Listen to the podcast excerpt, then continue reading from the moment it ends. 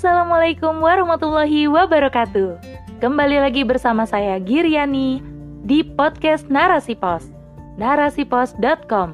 Cerdas dalam literasi media, bijak menangkap peristiwa kunci. Rubrik motivasi.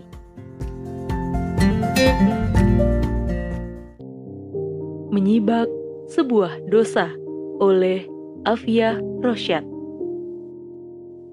Muhasabah atau introspeksi diri tentu sangat baik dan penting untuk dilakukan setiap muslim. Di penghujung tahun 2021 memanglah tepat memuhasabahi diri. Namun, akan sangat tepat jika muhasabah dilakukan setiap hari tanpa pernah cuti.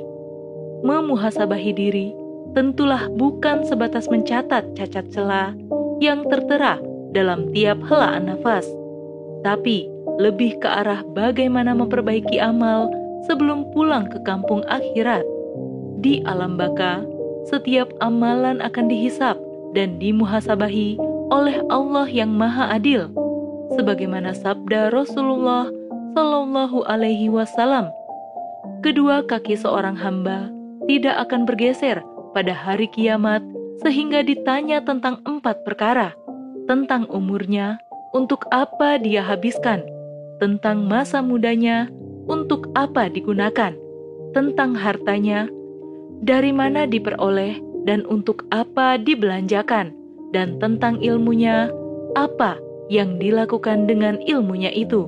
Hadis riwayat At-Tirmizi. Maka, menghisap diri sendiri terlebih dahulu bisa membawa diri pada arah perbaikan yang tertunjuki kebenaran Islam. Selain itu, muhasabah akan menuntun siapa saja, terutama seorang Muslim, untuk lebih berhati-hati dalam mengarungi setiap lembar persoalan kehidupan, sehingga seorang Muslim akan sangat berhati-hati sebelum melakukan aktivitas di seluruh aspek kehidupan. Muhasabah ini akan menyibak setiap dosa yang tertera dalam tiap pori-pori raga. Muhasabah diri adalah proses untuk meningkatkan kualitas amal dan takwa. Bagaimana seorang Muslim akan beramal ditentukan oleh cara pikir dan pandangnya atas suatu kondisi yang dipenuhi kesadaran hubungannya dengan Allah, terlebih setelah muhasabah.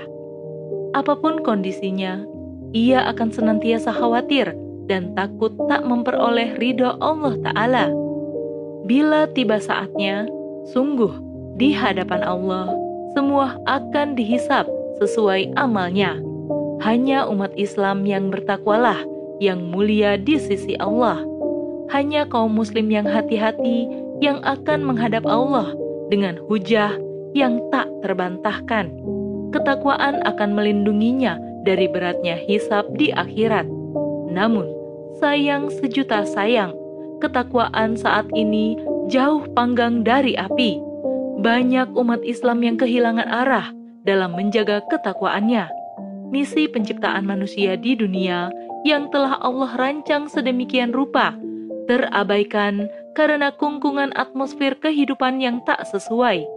Ibadah yang menjadi misi hidup hanya terbingkai dalam ibadah mahdoh saja, solat, zikir, puasa, zakat, haji, umroh, dan sedekah. Padahal, ibadah mencakup tiga dimensi. Adapun sholat, zakat, dan ibadah ritual lainnya adalah dimensi pertama, yakni hubungan manusia dengan Allah. Sementara dimensi kedua dan ketiga juga tak boleh ditinggal untuk tetap dimuhasabahi. Sebab, bila tiba waktunya, segala perbuatan di ranah tiga dimensi itu akan dihisap. Adapun dimensi kedua adalah hubungan manusia dengan sesama manusia, seperti muamalah, pergaulan, sanksi, pemerintahan, dan lainnya. Hal ini tak bisa tegak dalam landasan aturan Islam jika hanya diemban oleh individu atau komunitas jemaah saja. Namun, dibutuhkan sebuah institusi negara yang bisa menerapkan Islam dalam serangkaian dimensi, termasuk dimensi pertama dan ketiga, yaitu hubungan manusia dengan diri sendiri, seperti akhlak, makan, minum, dan pakaian. Jika tiga dimensi ini dijalankan penuh ketaatan kepada Allah Subhanahu wa Ta'ala secara totalitas, bukan semata-mata ritualitas, sholat, som Ramadan, zakat, atau haji saja, maka hisapnya akan ringan kelak. Sebaliknya, jika tiga dimensi ini diabaikan atau hanya fokus pada dimensi vertikal atau pertama saja, sungguh kaum Muslim telah menorehkan dosa-dosa investasi. Menyibak sebuah dosa investasi tak cukup hanya muhasabah diri dalam ranah ibadah koi rumah doh. Peran negara dalam muhasabah sangatlah penting. Namun, saat ini negara menanggalkan jubah takwa dan bersandar pada kapitalisme sekulerisme, sehingga negara ugal-ugalan dalam menyemarakan kemaksiatan tersebab asik memisahkan agama dari kehidupan. Segala aturan tak bersandar pada syariat Islam, namun digodok sendiri menyaingi sang pengatur. Bagaimana mungkin bisa menyibak sebuah dosa jika punggawa dan negaranya larut dalam lautan dosa-dosa?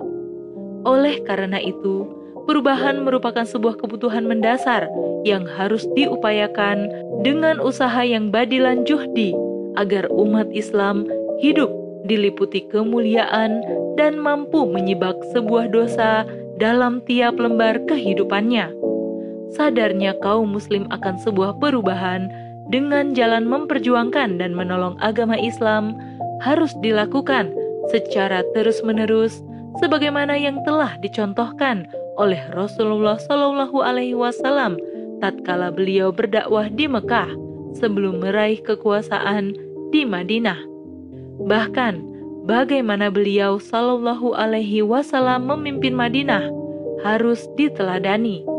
Agar perubahan yang diupayakan adalah sebuah perubahan hakiki, maka harus diperhatikan kesadaran tentang realita yang buruk. Umat Islam saat ini jauh dari kata baik-baik saja. Kondisi negeri Muslim berada di bawah bayang-bayang penjajahan hidup menderita tanpa tatanan Islam. Semua malapetaka yang menimpa umat Islam ini sangat berkaitan dengan keruntuhan Khilafah Utsmaniyah pada Maret 1924 silam. Perubahan hakiki juga akan diliputi kesadaran betapa gemilangnya kondisi di bawah naungan Islam. Sehingga perubahan yang dilakukan adalah perubahan yang hendak melenyapkan kapitalisme dan mengganti dengan Islam yang pernah diterapkan lebih dari 13 abad di muka bumi ini. Perubahan yang diperjuangkan akan tetap berada pada torikoh perjuangan Rasulullah Shallallahu Alaihi Wasallam yang sohih. Arah perjuangan Rasulullah dan para sahabat bukan semata dimensi pertama, yakni ibadah ritual saja, namun juga ada taskif atau pembinaan interaksi dengan umat, dan menerapkan hukum Islam dalam bingkai daulah Islam. Rasulullah melakukannya tidak sendiri, tapi dengan berjamaah dalam Hizbullah. Sungguh, menyibak sebuah dosa investasi adalah dengan muhasabah. Salah satu wujud resolusi dari sebuah muhasabah adalah dengan jalan perubahan hakiki, perjuangan untuk melanjutkan kembali kehidupan Islam harus dilakukan di sela-sela muhasabah dan juga terus dilakukan. Tujuannya agar kehidupan meraih keberkahan dan bila tiba waktunya dimuhasabahi Allah, maka hujah perjuangan untuk mengubah kondisi telah dilakukan. Muhasabah diri harus bersifat siasi atau politis agar mampu mengubah kondisi kapitalisme menjadi kondisi yang diliputi aturan Islam Wallahu a'lam bishawab.